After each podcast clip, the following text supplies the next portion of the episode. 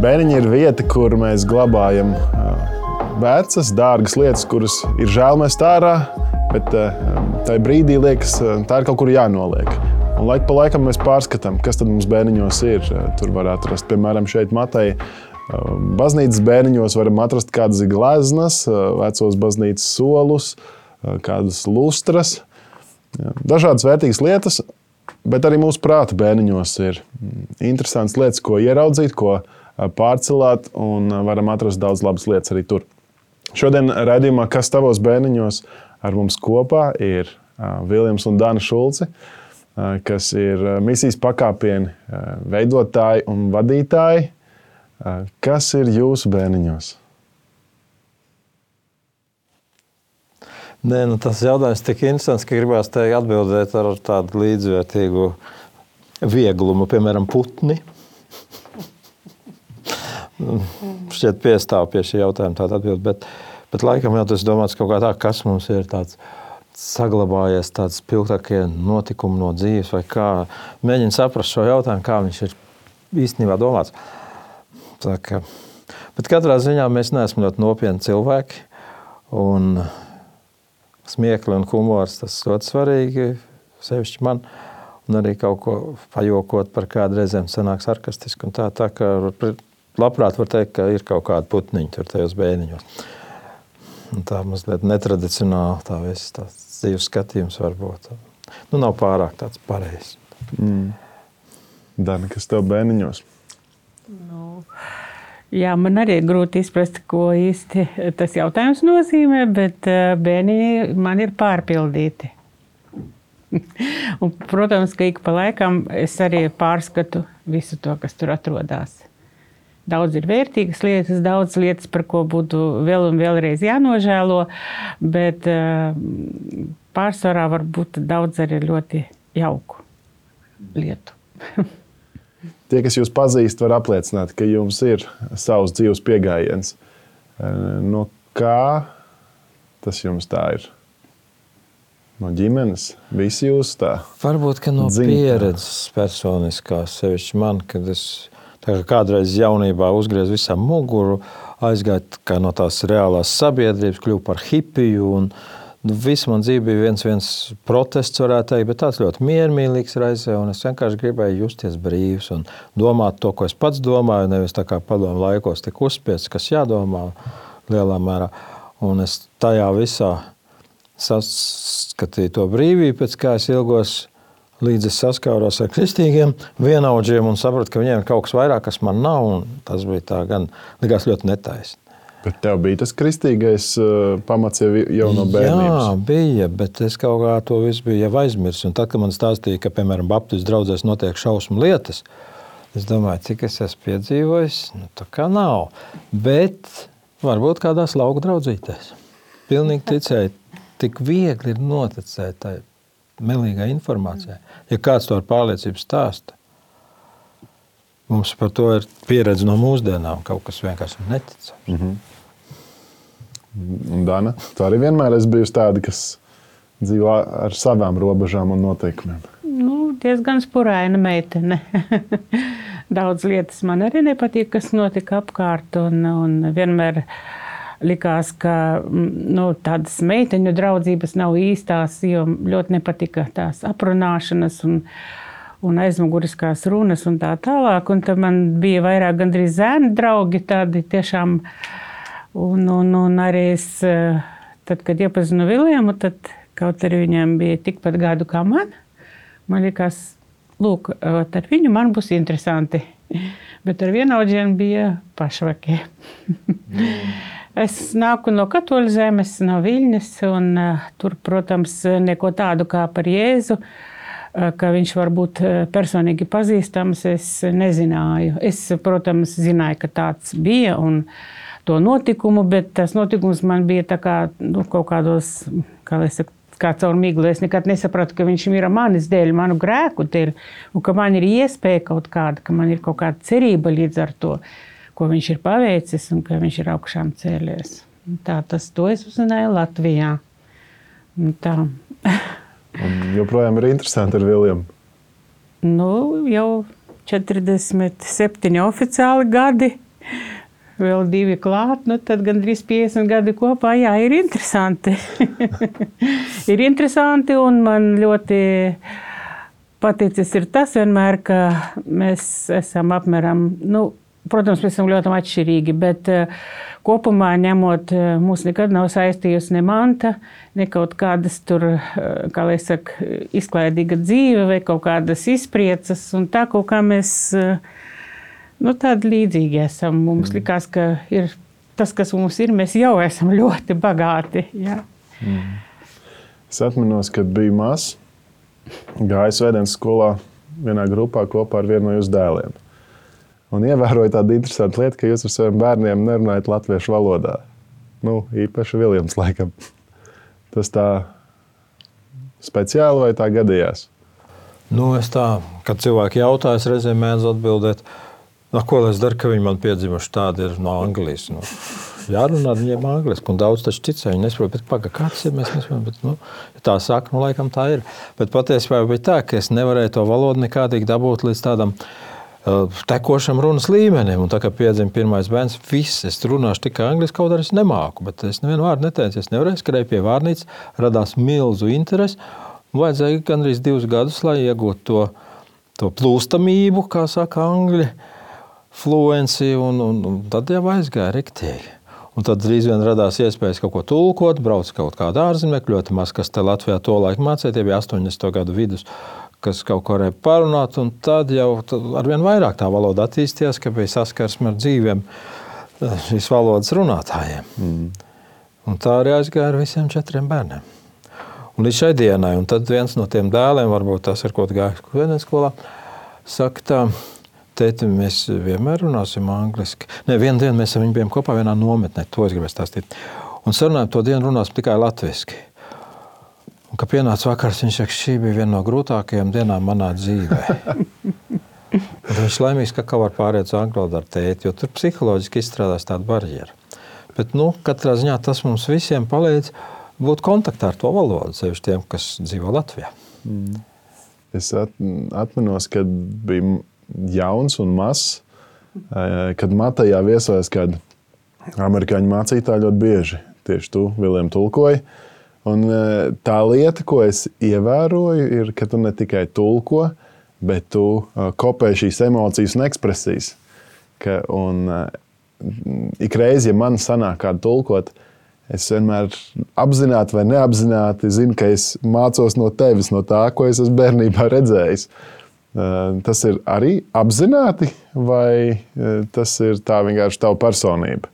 Nē, nē, tas ir obligāts noteikums. Ja cilvēks grib būt labs tulks jau tādā nu, savā ziņā uzstāšanās vidē, kur ir svarīgs arī emocijas, kur nav tikai savs kaut kāds zinātnisks darba, atreferents un tāds tad ir jākopē. To mums mācīja kādreiz, ka mums bija jātulko Bilijs Grēms, bet ne stāvot viņam blakus, bet mēs tulku sēdējām kabīnēs, un tad tur uz sākumā uz 40 valodām bija, un tad vienreiz bija pat uz 50. Un to mums ļoti uzsvēra, ka pēc iespējas kopēt visas emocijas un tā, tas ir ļoti svarīgi. Bet es arī esmu nonācis pie tā, ka ļoti svarīga tā plūstamība. Un tagad jau man kāds jātulko, es iepriekš pārnāju to cilvēku, saka, piedod, draugs, bet tev var sanākt ar mani grūti. Jo es tevi pārtraukšu. Ja tu sāksi runāt vairākus teikumus, no jums nekas nesanāks. Es vienkārši metīšos starpā un sākšu runāt. Es saku, jau iepriekš par to ļoti atvainojos, bet man ir svarīga plūstamība. Tās dzīvais kontakts ir ļoti foršs, un tad viņš arī nenogurdina klausītāju.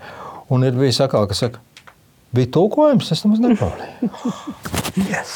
Tas tie tie labākie brīži, kad. Tā ir. Yeah. Bet um, misija pakāpieni. Kas tas ir? Kā tā radās? Kad tā radās?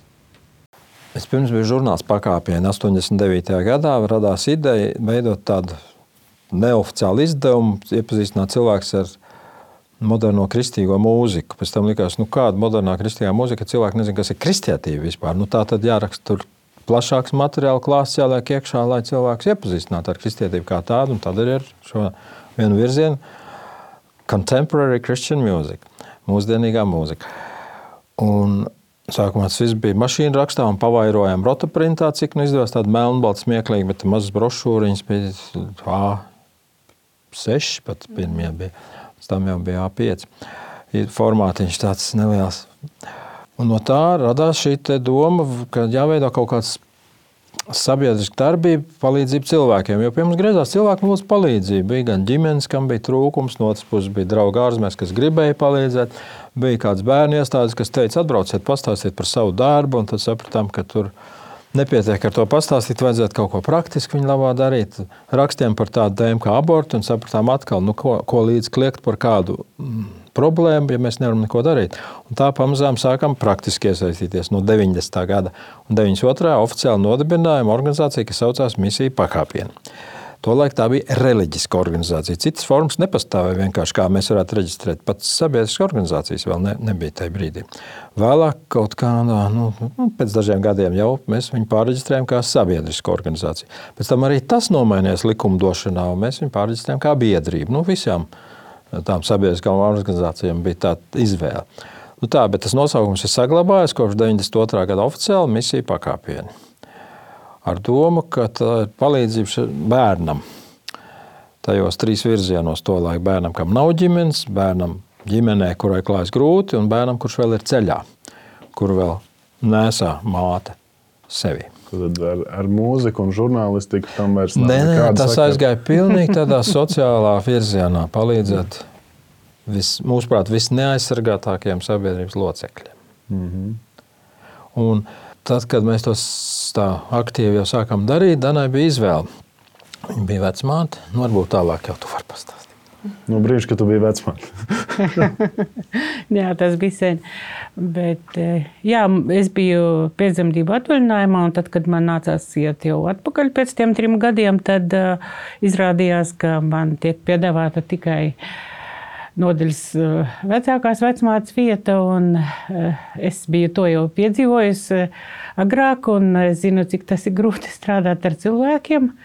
Un vēl tajā sistēmā diezgan grūti daudzas lietas bija nu, jādara, jāsaka, tā gandrīz negodīgi, un tas man ļoti nepatika. Un, un tad es eh, biju jau iesaistījusies kā brīvprātīga šajā misijas darbā, palīdzot cilvēkiem. Un, Un tad es uh, Viljamam saku, ko darīt, vai es iešu laikam atpakaļ uz darbu, mēģ, nu, mēģināšu, un tā. Un viņš saka, nu kā tu varēsi atstāt tās savas ģimenes, kuras tu jau esi iepazinusi un kurām tik ļoti nepieciešams atbalsts. Nu, un beigās tas noslēdzās tomēr uz to, ka es eh, strādāšu misijā pakāpienē. Tā, tā, tā es beidzu savu vecmātes karjeru, kur nostrādāju desmit gadus dzemdību namā, un kuru ļoti mīlēju savu darbu. tas tāds, eh, nu, nezinu, katru dienu tu piedzīvo brīnumu. Un eh, vienīgi tas, ka pārējot misijā visus šos 30 gadus, ko mēs strādājam, nu, es uzskatu, ka mēs dzīvojam vienā brīnumā. Tā kā Dievs mums ir svētījis, to mēs nevaram izprast un nekad neizpratīsim. Vienīgi varbūt debesīs. Un mums nekad nav bijušas tukšas rokas, lai nepasniegtu kādam kaut ko, un nekad nav bijuši parādi. Un eh, dažkārt eh, tie paši rēķini, kas arī tagad cilvēkiem nospiež eh, galvas un, un plecus, ja, un mums tā likās, ka vai ka ierauktās summas, kas jāmaksā, piemēram, bijām izveidojuši jūrmalā bērnu ciematu, un, un tad tie rēķini nāca ļoti milzīgi, bet beigās tie ziedojumi tā kā pa tādām sīkām, no sīkiem strautiņiem saticēja vienā lielā upē un, un varēja samaksāt. Nu, tā. un pat 30 gadiem nereiz nav bijis diena, kad būtu jādomā, kā mēs samaksāsim kaut ko. Daudz ēkas, uzturēšanas izdevumi, daudz darbinieku, algas, nodokļi. Un nekad nav. Un tas viss nu, pastāv pamatā no ziedojumiem. No, mm neprognozējumiem ienākumiem, tā varētu mm teikt. Pilnīgi brīvprātīgiem. Un nereizes neesam piedzīvojuši finansu trūkumu, nu, kaut kādu līdzekļu trūkumu, vai arī ka mums nebūtu ko dot cilvēkiem. Ja? Nu, tad, tad tas ir tas pastāvīgais brīnums, par ko Dana runā. Un es mazliet pakomentēšu, ka katru dienu brīnums tajā vecumā darbā. Es domāju, to tu domāji, katru bērna, dienu kāds piedzimst. Bērna kāds, piedzimšana. Kā jauns, jauna dzīve pienāk pasaulē, tas arī ir ārkārtīgs brīnums. Jā. Un vēl trakāk, ja tā salīdzina, ka Dievs mūs izdomājot, cilvēku radot, jau bija tā nolēms, mans dēls arī tāds būs. Mm. Pienāks diena, un viņš tāpat tās ieterpsies šajā ķermenī. Un ar piedzims kā tāds bērniņš, un izies pirms tam visu to ciklu mācīs ķermenī, un tad viņš iznāks pasaulē. Neaptveram. Reizēm es uh, diskutējot ar, ar, ar cilvēkiem uh, par to, cik daudz ir kristiešiem jāiesaistās šajās uh, situācijās, un kur ir nu, valsts sociālā kaut kāda dienesta atbildība. Kāpēc mums tas ir vajadzīgs? Es tā mazliet provocējot. Kāpēc turpināt to darīt? Nevis teikt, nu, re, kur ir sociālais dienests, aiziet pie viņiem, re, kur tie par jums parūpēsies. Mums taču ir visādas garantijas un tas un tas. Bieži vien tās garantijas ir ļoti nosacītas un nepietiek cilvēkiem ar pavairāk bērniem un ar ļoti sarežģītu situāciju. Tas neatrisinās viņu situāciju. Arī mēs nevienam netaisamies atrisināt, bet mēs vienkārši varam pasniegt palīdzīgu roku.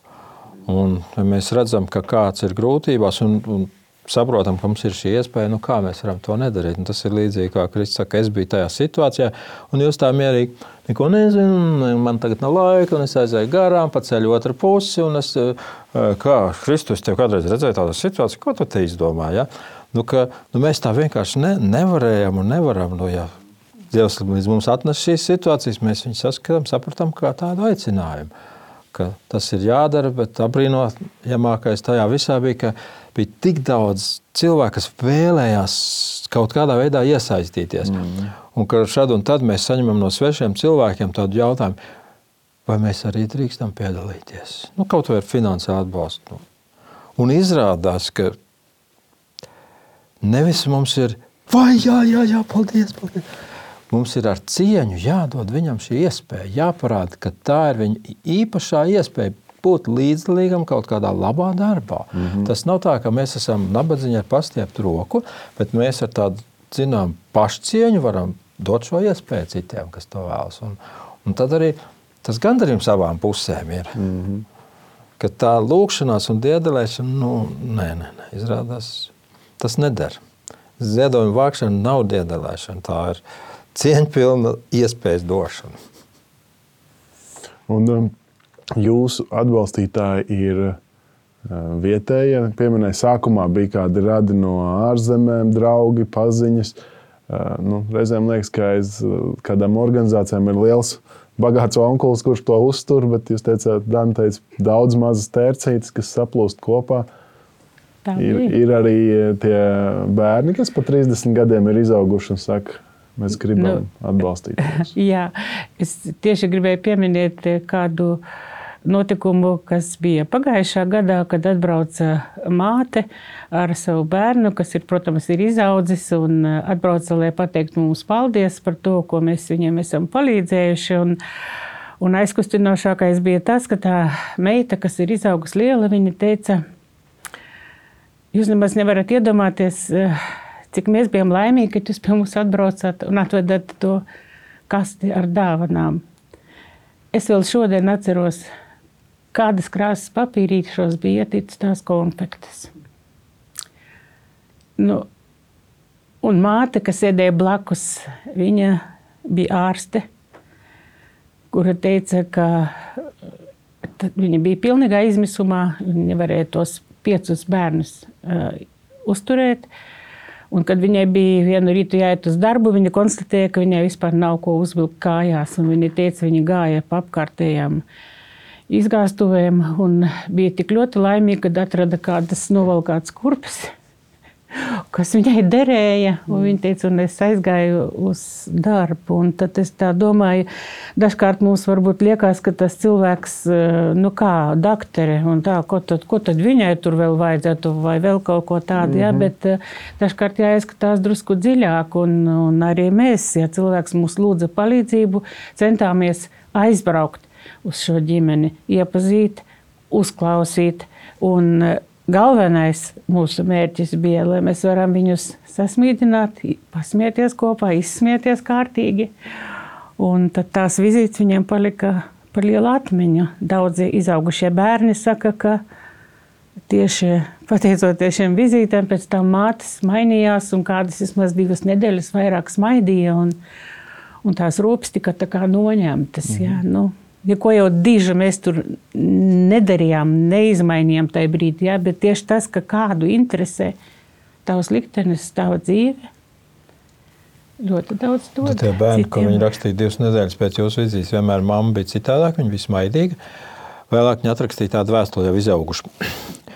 Kad, tad, kad jau bija pagājis kāds laiks, mēs atkal sākām ļoti jūs gaidīt.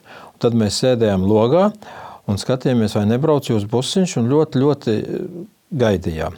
Un mums likās, jo vairāk mēs pēc jums ilgosimies, jo lielāka iespēja, ka jūs atbrauksiet. Un tā mēs sēdējām un ļoti, ļoti ilgojāmies pēc jums. Un es domāju, nu, tiešām tur varēja apraudāties to lasot. Būtu viņi toreiz pateikuši, jo mēs bieži bijām tajā jēkapilī, braucot tālāk kaut kur uz kādiem latgals maršrutiem. Nu, cik tā bieži var pie vienas ģimenes piebraukt, bet ja tas viņiem tik daudz nozīmē, mēs būtu daudz biežāk piebraukuši. Toreiz viņi to ne, ne. Nu, pateikt, mums... diemžēl.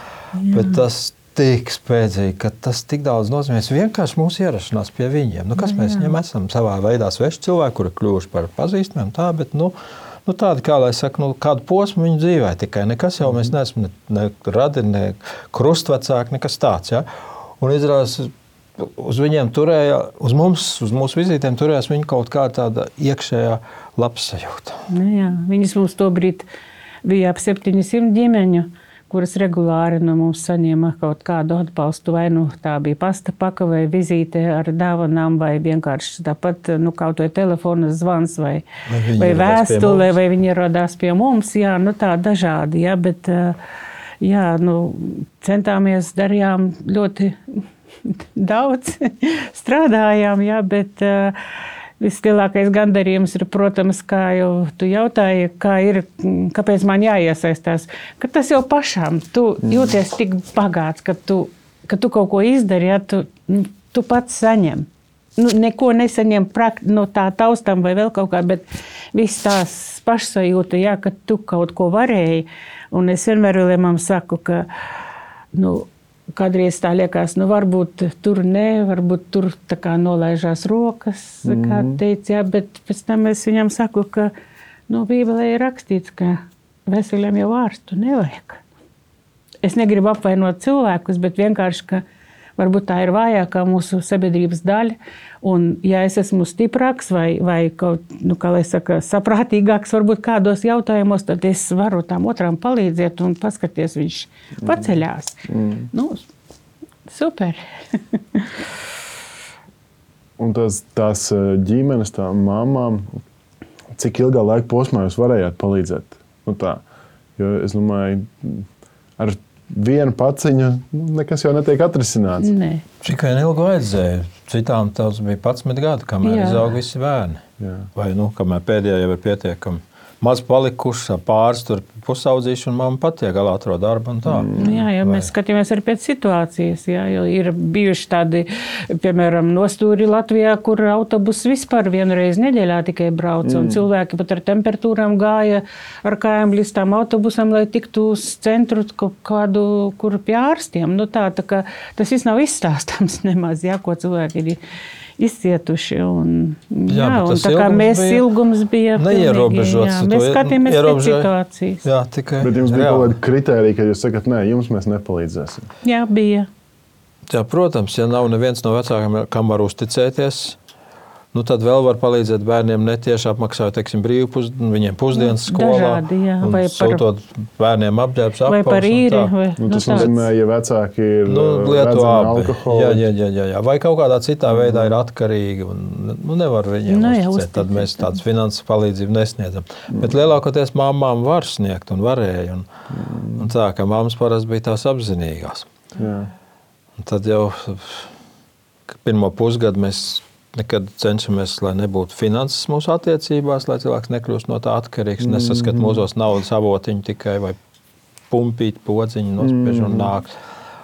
Un tāpat tās ar mantām palīdzam, un bieži vien ļoti kvalitatīvām, augstvērtīgām, jo mēs uzskatām, ka tiem trūcīgiem bērniem vēl vairāk gribas būt līdzvērtīgiem nekā tiem no pārtikušām -hmm. ģimenēm. Ka nevis, ka viņam jāsteigā kādos novalkātās drēbēs, bet skaistās drēbēs, ja iespējams. Uz to vienmēr esam tiekušies. Un, un tad, ja tas pusgads ir veiksmīgs, ja ģimene iemācās rakstīt pateicības, piekrīt arī, ka tur no, tiek nobildēts, tiek kā saņēmēji un tā. Un Nu, lai atbalstītājiem. Jā, jā, jā ka šī sadarbība tāda tomēr apusēji kaut cik, tad, tad tur var parādīties finansiāls atbalsts, mm. regulārs jau cik tālāk gadus vajag. Mm. Bet sākuma laikā cenšamies, nu, vienalga, cik kritiska situācija, nē, nē, nē, nē. Nav šobrīd tādas iespējas. Nu, bet ar, ar šīs dienas acīm skatoties, 90. gados taču vairums ģimenes bija uz trūcīgā sliekšņa. Nu jā, mums bija pamatā liels ģimenes. Mm. Pieci bērni un uz augšu. Un tā bija arī kur mazāks, kur mamma viena pati ar kādiem pāris bērniem. Un nav nekādu darbu iespēju. Dažādi, bet lielākoties lielas. Jā, nu. Protams, ka mēs visiem nekad nevarējām palīdzēt. Tie bija tikai daži simti ģimeņu uz visu Latvijas ģimeņu fonu. Bet, jā, bet, bet savu kaut kādu ar tavu mēģinājumu dot. Un, Abām pusēm bija gandarījums. Jā, vēl jau bez visa tā būtībā pie mums brauca no pagastiem, no pašvaldībām, jo viņi teica, mums nav ko cilvēkiem dot. Un, un tad, kad mēs saņēmām humāno palīdzību, tad, protams, viņi atbrauc pie mums. Un saņēma to un dalīja tālāk. Un tad, tad tās bija skolas, tie bija pansionāti, tas pagasti, kā jau minēju. Un, daudz bērnu, bērnu ģimeņu biedrības, invalīdu biedrības toreiz jā, tā saucās. Un, nu, atsakot, ļoti daudz pa visu Latviju būtībā tā palīdzība tika sniegta un, un, un mm. izdalīta. Nu, tā, tā kā, jā. Jūs arī strādājat ar uh, meitenēm, jaunām sievietēm, kuras gaidīja bērniņu, bet bija pārdomās par abortu. Un mēģinājāt viņām nu, ne, ne, nevarētu teikt pārliecināt, bet laikam jau pārliecināt, pārliecināt. par to, ka dzīvība ir vērtība. Kāpēc jūs tam ticējāt toreiz? Es ticu, ka ticat joprojām. Kāpēc jūs ne, neteicāt tā, jā, tavs ķermenis, tava izvēle dara, kā gribi? Nu, sanāca pietiekami daudz ar šo jautājumu iepazīties. Mums bija draugi no Lielbritānijas, tāda organizācija Dzīvība, Life. Viņi uzaicināja pie sevis, paceļojām pa Angliju un redzējām viņu tos centrus, kā viņi tur palīdz. Pār, pārņēmām to modeli ar viņu svētību un atļauju, ka ir centriņš, kurā dzīvo uz vietas tā mamma nosacīta ar lielo burtu, un tad pie viņas dzīvo maksimums sešas šādas topošās mammas, un tad piedzimst bērniņš, un līdz sešiem mēnešiem, kamēr bērniņš ir, viņi turēja. Bet arī viņiem bija ļoti daudz materiāla par dzīvības sākumu, par dzīvības svētumu, par dzīvības nozīmi. Viss dzīvība, dzīvība, dzīvība, dzīvība. Tāds simboliņš tur, tas nedzimušais bērns, kāds mammas ēda apmēram trīs mēnešu vecumā. Auglis, kā viņu mēdz apsaukāt.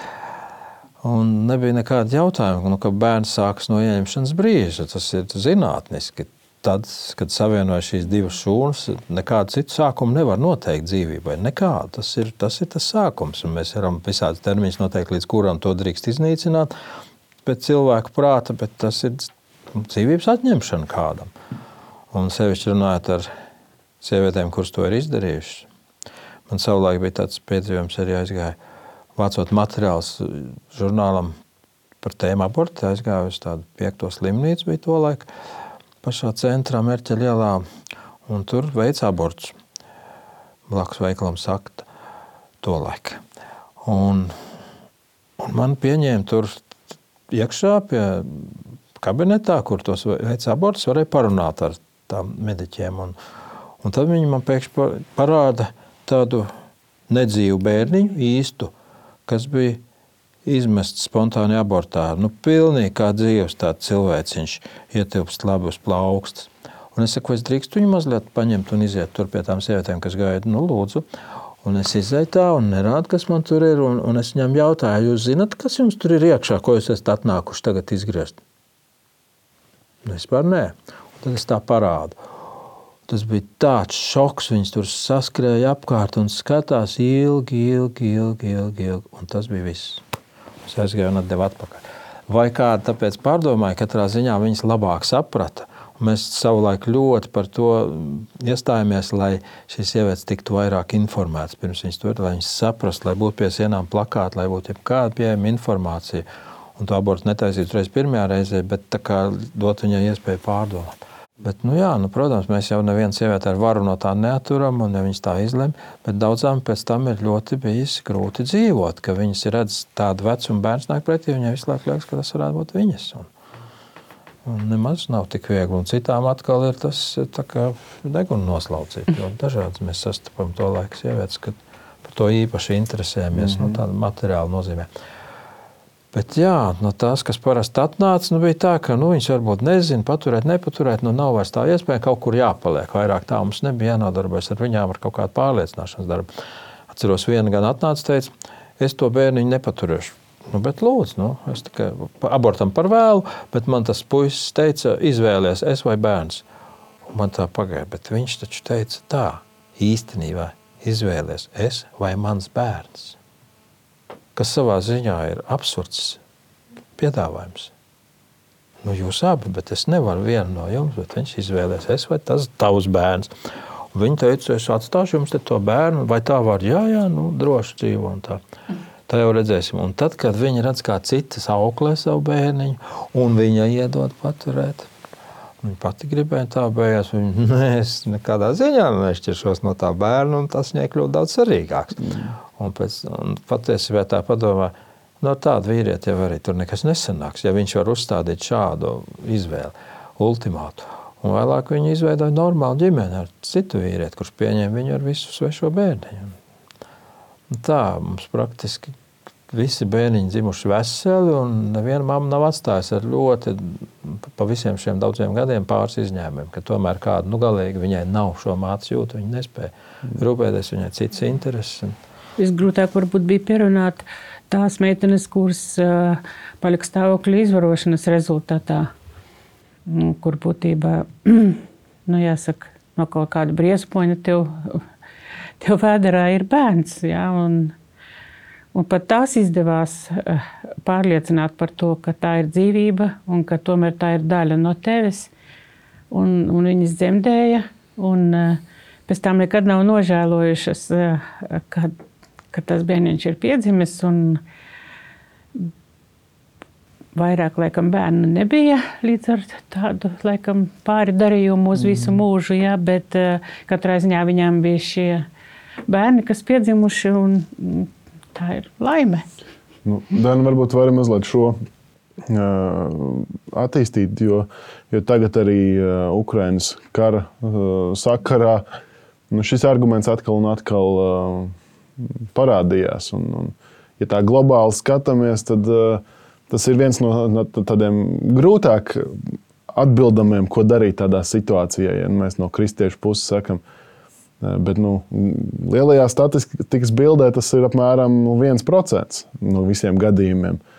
Bet to, to argumentu vispār ir uz visu, visu sistēmu. Bet nu, tagad Ukraiņas kara sakarā mēs dzirdējām atkal šo diskusiju sociālos tīklos, mēdījos. Kā jūs uz to nu, skatāties? Varbūt Viljams vairāk pastāstīs, jo tieši viņam bija zvans un jautājums, vai mēs ņemtu šīs sievietes kas ir izvarošanas rezultātā stāvokļi uh, Latvijā, šeit pie mums. Tad uh, varbūt tu Viljam pastāst vairāk, ko tu. Nu, jā, mēs domājam, vai mēs varam izveidot tādu centriņu tieši šīm sievietēm, meitenēm no Ukrainas. Bet sapratām, ka vajag kādu ļoti spējīgu to mājas audzinātāju, vadītāju, vēlams pat ukrainieti, un neatradām. Un arī sadarbībā ar psihologiem nu, dabūju vairākus Rīgas psihologus, kā teorētiski. Bet, uh, Mums nebija īsti ar ko ieinteresēt, nebija gatava šī piedāvājuma pakete tās sievietes. Bet jautājums jau bija par to, ko mums teikt tādām. Un, mm. nu, protams, nu, gan tām meitenēm, bet arī sabiedrībai, kad izvēm. mēs par šo diskutējam. Mm. Bet katrā ziņā tīri no fizioloģiskā viedokļa viņai ir veselīgāk laist bērnu pasaulē un tad atdot viņu citiem audzināšanai, nekā pārtraukt grūtniecību, pārtraukt bērnu dzīvību, kas bieži vien noved pie daudz smagākām medicīniskām, fizioloģiskām sekām. Tā kā viņas pašas interesēs, nu, protams, ja tur ir desmitgadīgi, tad pavisam ir šaušalīgi par to domāt. Bet nu, tā, ja tā ir jau kaut cik nobriedusi sieviete, laist to bērnu pasaulē. Un neapkraut savu sirdsapziņu ar vēl vienu noziegumu. Jo ir noticis briesmīgs noziegums vai daudzkārtējs pret šo sievieti. Jā, tas ir neaptverami, briesmīgi. Bet tāpēc jau tas nav jālabo ar vēl vienu noziegumu pret bērnu dzīvību, kurš nepie kā nav vainīgs. Nu, tā nu, smagi, ļoti smagi jautājumi, bet tos izmantot kā argumentu, es nedomāju, ka ir ļoti korekti. Tas ir redzēt, raudāt līdzi tām sievietēm, bet nevis uz viņu rēķinu kaut kā tagad bīdīt savu, savu kādu teoriju. Nu, dzīvība ir dzīvība. Lai cik viņi ir negribēti, bet tomēr Dievs katru šo bērniņu, kuram viņš ļāvis rasties mātes ķermenī, viņš ir sūtījis pasaulē. Mēs to nevaram noliegt. Kāpēc? Mēs nezinām. Tā ir Dievs izvēlēs. Tad es tagad ieņemšu Dieva vietu un teikšu, ne, ne, viņam nav tiesības dzīvot, jo, jo Es nedomāju tā. Bet, protams, lai, lai tas būtu vispār arguments, tai otrai pusē ir arī jāpieņem, ka ir tāds vispār dievs, kurš to dzīvību ir devis. Ja man tāda dieva nav, tad, protams, es daru, ko gribu, un nevienam neesmu atbildīgs. Tad mhm. vispār nav nekādas morāls un nekāda augstāka atskaites punkta. Mm. Var jau visādus to skatīties, bet zinot, ka ir dievs. Nu, Nu, kā vēl var skatīties? Tā ir viņa dota dzīvība. Lai cik mēs gribētu teikt, nu, tādā gadījumā Dievs to taču varēja nepieļaut. Jā, viņš varēja nepieļaut. Nevienu varēja nekļūt stāvoklī. Nevienu. Dievs savu kaut kādu sev zināmu apsvērumu dēļ pieļaus, ka ļoti daudz tādu sievietes paliek stāvoklī. Viņām ir šī šaušalīgā dilēma.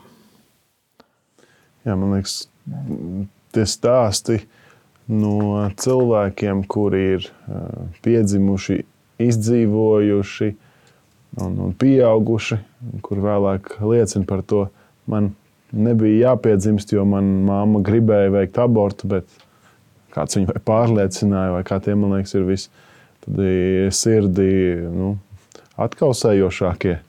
Jo, nu, saprot, tas patiešām ir uh, dzīves cilvēks beig beigās. Tas nav kaut kāds, kā tu teici, jā, auglis, kā viņu mēdz apsaukāt. Vai receklis vai šūnu veidojums. Jā, jā un, un, uh, Un tad es eh, klausoties par šo tēmu, eh, domāju arī. Eh, reizēm es dzirdēju, ka viņš vēl neko nu, nejūt, nesaprot, mm. viņam nav nekādas atmiņas. Bet jau viens ir, ka pirmkārt viņam ir jūtas, viņš ļoti daudz ko jūt un, un spēj piedzīvot, bet otrs ir arī divgadīgam bērnam arī nekādas lielas atmiņas no tā posma nepaliks uz, uz dzīvi. Nu, tad, tad, kur ir tā robeža? Trīs, četri Jā. gadi. Nu, Bet, protams, ka tas ir tā filozofējot par to. Un, uh, mums ir jāsvin dzīvība, un uh, paldies, ka jūs esat uh, šajā misijā, kur ir mainījusies. Bet kā šobrīd jūs varat būt visnoderīgākie sabiedrībai, un kur mēs varam jūs atbalstīt un kādos veidos? Nu jau par daudz sarežģītu divu jautājumu. Nu, labi, sāksim ar to, kā ir attīstījusies bet, uh, misija. Šobrīd mēs esam diezgan iesaistījušies palīdzību sniegšanā Ukraiņu bēgļiem. Lielākoties tās ir māmas ar bērniem. Priecājamies, ka atkal ir iespējas palīdzēt viņiem un tā likt justies šeit pieņemtiem un vajadzīgiem, nevis liekiem. Un dažiem ir šī sajūta, nu, cik ilgi mēs varam dzīvot kādam uz kakla, cik vien vajag. Tā, un, un, ja, ja viņi tam notic, nu, tad jā, cik jauki viņi saprot, ka. Un es esmu pozitīvi šokēts, ka Latvija ir tik tomēr atvērta kā, kā sabiedrība. Pēkšņi notiek šī krīze, un mēs kaut kā vairāk nekā daudz citas tautas spējam iejusties, ka šiem cilvēkiem vajag palīdzību. Parasti latvieši jau sit pie krūtīm, mēs tur ir labākie, mēs to tur uzvarēsim, un tur, un tas viss ir tik tukšs, nožēlams, tāds ja, nepamatots. Un, un šeit bez kādas lielības cilvēki dara, viņi ziedo. Viņi, ļoti nu, daudz. Nu, dara pār saviem spēkiem bieži vien, sniedzot šo palīdzību. Un, protams, ir arī pretēji uzskats sabiedrībā, bet tas jau tikai normāli. Un nu, pat tās mums aizdītās, nu, pirms pāris dienām bija tikšanās arī uz atbraukuši uz Roju. Bija apmēram 30 ukrāņi. Tikko tur iemetināti, kā daļa jau dzīvojuši Rīgā, un te viņiem beidzās visas iespējas. Viena mākslinieca pat bija atradusi jau darbu, un pēkšņi viņai viss mēs pārvedam tevi. Nu, viņa tā kā tāda mazliet kā skaidiņa straumē. Viņa mm. daudz vēl pat nevar lemt savu likteni. Viņiem paziņoja, kādiem, ka pārved citu nu pat atbraukuši un tā. Un tad mums bija sarunas, tādas kopīgas, izveidojām tādu pasākumu, iepazīšanās. Tur jau mēs zinām, skaidri, ka ir divas šīs frontes pašā Ukrajinā. Austrumi un jau vidusdaļa, un nerunās par rietumiem, kas viens otru īpaši neciena. tie, kas ir jau vidusdaļā, skatās uz tiem austrumiem, kā uz tādiem piekto kolonu, un tā kā mēs varbūt brīžam uz Daugavpils pusi, un tā, ka tie jau būs vairāk Krievu pusi, un tā, un daudz tur ir etniskie Krievi. Viņiem bija ļoti grūti izvēle, viņi izvēlējās būt Ukrāņi. Kaut arī pēc tautības Krievi. Bet tie īstie ukrāņi visbieži nepieņem un uzskata par kaut kādiem citādiem, atšķirīgiem. Tur diezgan tāds frakcijas spēcīgs ir. Un tad mūsu uzdevums reizēm ir mēģināt, nu, bet jūs esat šeit līdzīgā situācijā, nu, mēģiniet pieņemt viens otru, nu, kā kuram tas izdodas. Bet tad mēs pacēlām šādu ļoti sāpīgu jautājumu. Vai jūs jebkad spētu piedot Krieviem par to, ko viņi ir izdarījuši, par zvērībām? Nu, nē, ne mūžam. Labi.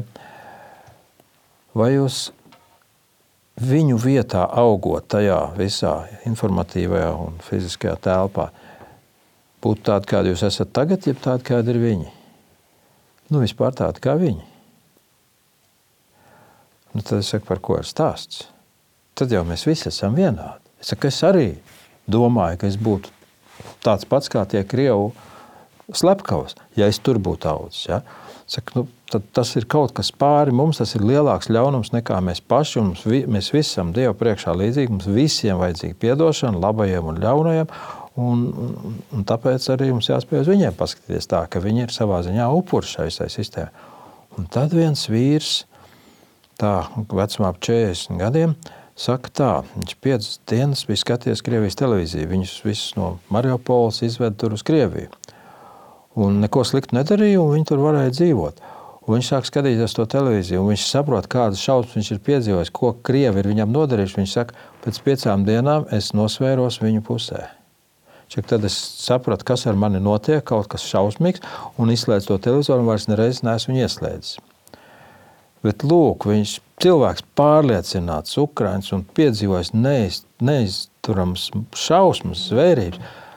Viņš sāk pieņemt šī zvēra jau tos ideālus, cik maz vajag. Jā, viņš teica, es uzsāku justies, ka varbūt tiešām es esmu tas fašists pilnīgi tādiem vārdiem. Jā, ka viņam ir taisnība. Jā, ka viss es esmu ir tas pareizi. Tā arī jādara jā. šiem, un ka viņi to ir pelnījuši. Jā. Jā, vienkārši. Cik maz vajag, lai cilvēks sāktu ticēt drausmīgiem sāteniskiem meliem, un pēc tam ar putām uz lūpām tos mm. aizstāvēt un iet un varbūt slaktēt tā vārdā. Ja? Mm.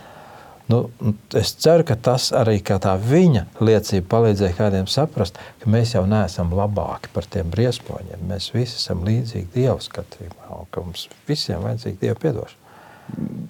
Uz šīs, šīs nots, eh, domājot par vārdiem, kas mums ir jāmaina savā valodā, eh, es nezinu, vai jau nu, mēdīju patērēšanā, bet es domāju tieši nevis tajā, ko mēs uzņemam, bet ko mēs dodam ārā. Kā dzīvot tā, lai mēs nevis dodam ārā to žulti un to naidu, bet to mīlestību? Es domāju, daudz kas arī šai sarunā skatās un klausās, domā, nu jā, nu viņi ir apbrīnojami. Nu kā, kā var tā mīlēt, kā var tā rūpēt? Bet, bet kā var? Kas ir tā atslēga? No vienas puses, viegli teikt, nu, kristiešiem gan pareizi atbild Jēzus, vai ne? Bet, bet... Es domāju, Runā, runā. Viena no atslēgām tā, ja mēs sevi ieraugam no Dieva skatu punkta, nu, kaut vai pēc Bībeles mēs tur daudz varam atrast, kā Dievs uz mums skatās. Cilvēka iekšējā būtība ir ļauna no mazām dienām. Kuram bērnam mēs esam mācījuši kliegt, bļaut, teikt nē, krist zemē, kauties, kauties zakt. zakt, melot. Nu, visu to ļauno nevienam. Tas ir jau. Un jo mēs vairāk augam, jo trakāk tas paliek. Nekas tur neiet mazumā, un civilizācija un izglītība mūs nepadara labākus Dieva acīs. Un viss mūsu labākais, kas mums ir, ka visa mūsu taisnība, Bībelē saka, ir tā tādas mm, ļoti, ļoti pretīgas, atbaidošas, sasmērētas lupatas. Lūk, tāda radījuma, tāds es esmu Dieva acīs. Nu, tas man ļoti palīdz spēt paskatīties, ka tas ļaundars, tas slepkavs, nu, tas, ir, tas nav attaisnojums, bet tajā pašā laikā nu, es būtu viņu vietā. Tur būtu daudz. Kā es varu pateikt, ka es darītu citādāk? Kur man ir kāda garantija? Un pat ja es tomēr nostātos un ciestu par savu pārliecību, bet es esmu caur un caur samaitāts dieva acīs. Ja? Un tur vairs nav tā, tik liela starpība, cik mēs esam samaitāti. Mēs vienkārši esam pēc būtības ļauni. Ja? Nu, nu, ja es esmu jau defaultā sliktais, nu tad, nu tad tas varbūt palīdz pieņemt. Ar, protams, ka tev, ja tev dzīvē jāsastapas ar kaut kādu ļaundaru, kurš tev dara visu laiku pāri, nu, nu kā tur vairs mīlestība, tur, tur jāmēģina kaut kā nezinu, izdzīvot. Un, un dabiski rodas, protams, šausmīga pretestība, dusmas, naids, viss kas. Tās emocijas ļoti dabiskas, viņas ir saprotamas. Bet, Bet es domāju, ka visi tie cietušie ukrāņi, ja viņi nenonāks kaut kādā savā dzīvē, ka viņi spēj kaut kā to atlaist, nu, ja ne piedot, bet kaut kā tā palaist to vaļā, viņi, viņi būs traumēti līdz mūža vakaram, drausmīgi traumēti. Lai tam tiktu pāri, viņiem ir jāiemācās kaut kā ar to sadzīvot. Nu, vēlams pat piedot, saprotot, ka es jau īstenībā neesmu labāks. To ļoti grūti tā atzīt. Es neesmu labāks par to, to, to nelietu. Kā tad neesmu? Protams, ka esmu. Man tā gribas kliegt, bet, bet, bet. Bet cilvēks, kas ir iespējams? Atlaist, mm. piedot. Nu, psiholoģija jau daudz ko var panākt. Jā, varbūt kāda. Varbūt, bet es domāju, ka, ka nu, tieši zinot, kas ir Dievs un ka Viņš spēja piedot mums nesamaksājumu parādu, nu, tas eh, noteikti ir daudz svarīgāks arguments, ka mums jau nav jāmēģina pašiem to izdarīt. Ka tur mm. visā mēs varam meklēt Dieva palīdzību. Sāksim ar sevi. Man vajadzīga atdošana. Man nav nekāda izraža, tāpat kā tam visļaunākajam, kā Putinam. Tāpat man nav nekādu izražu Dieva priekšā ar kaut kādiem saviem labiem darbiem, pārsvērt sliktos. Tas ir pilnīgs absurds. Mm. Tad Kristum nevajadzēja mirt. Tad bija vienkārši ceļš, sastrādāsim vairāk labu un uz priekšu. Un Dievam nekas cits neatliks, kā pieņemt mūsu debesīs. Jā, protams. Mēs nevaram izmainīt Dieva taisnīgos spriedumus. Viņš saka, ka nu, ar cilvēku cauri. Cilvēkam jātop ierakstītam dzīvības grāmatā, lai viņš vispār varētu nostāties Dieva priekšā un, jā, un tikt attaisnots. Nu, mēs nevaram paši sevi ierakstīt dzīves grāmatā. To viņš lemj, bet katram ir iespēja līdz tam nonākt. Atzīstot savu reālo to samaitātību un pieņemot to taisnību, ko ko pasaule atnes jēzus ar savu nāvu un augšām celšanos. Tā, nu, atkal skan drusku kā tāda saukļa, bet nu, tā ir tāda realitāte. Bez, bez, nu, cita ceļa vienkārši nav kā tas, ko pasaulē ienes Dieva dēls. Dani, kā tu atrodi spēku mīlēt, rūpēties, redzot daudz no tās netaisnības, ko tās meitenes un bērni ir piedzīvojuši? Tu zini, ka tu esi tajā situācijā, tu par to daudz nedomā. Vienkārši dari ko vari. Mm -hmm. un, protams, visgrūtākais grūtākais ir tas, ka nu, kaut arī mēs esam centušies atdalīt savu dzīvi privāto no darba. Jā, mums tā mācīja, citādi tā ir izdegšana ļoti ātri vien. Bet vienalga tas viss iet cauri sirdī, cauri domām, un dažkārt tas paņem krietnu laiku, tās domas. Jo meklē visu laiku to atrisinājumu vai kaut kādu izēju no kaut kādām no diezgan šaušalīgām situācijām. Un tā, bet es nu, vienmēr, protams, mēroklē ir Kristus. Un tas, ka Dievs, kuru sita, kurām spļāva, kuru piesir pie krusta, ah, spēja piedot to ļaunumu manis dēļ. Tad uh, es domāju, ka man tad ir daudz vieglāk kādam palīdzēt, darīt un nedomāt par to, ka, nu, kā to izdarīt, vai, vai, vai tas ir vajadzīgs. Nu, tā gribās tur pieslēgt sirdi un vairāk neko. Nezinu, vai atbildēju, bet. Nu. Es domāju, ka ļoti labi atbildēju.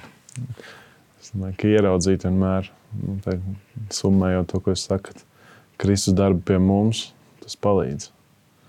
Atkal un atkal ieraudzīt to, cik ļoti mums viņš ir vajadzīgs un, eh, un paļauties uz viņa vadību.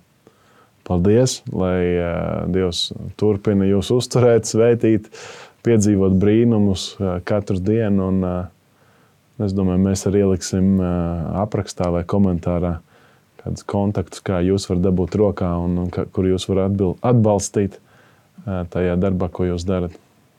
Paldies! Paldies par sarunu! Paldies!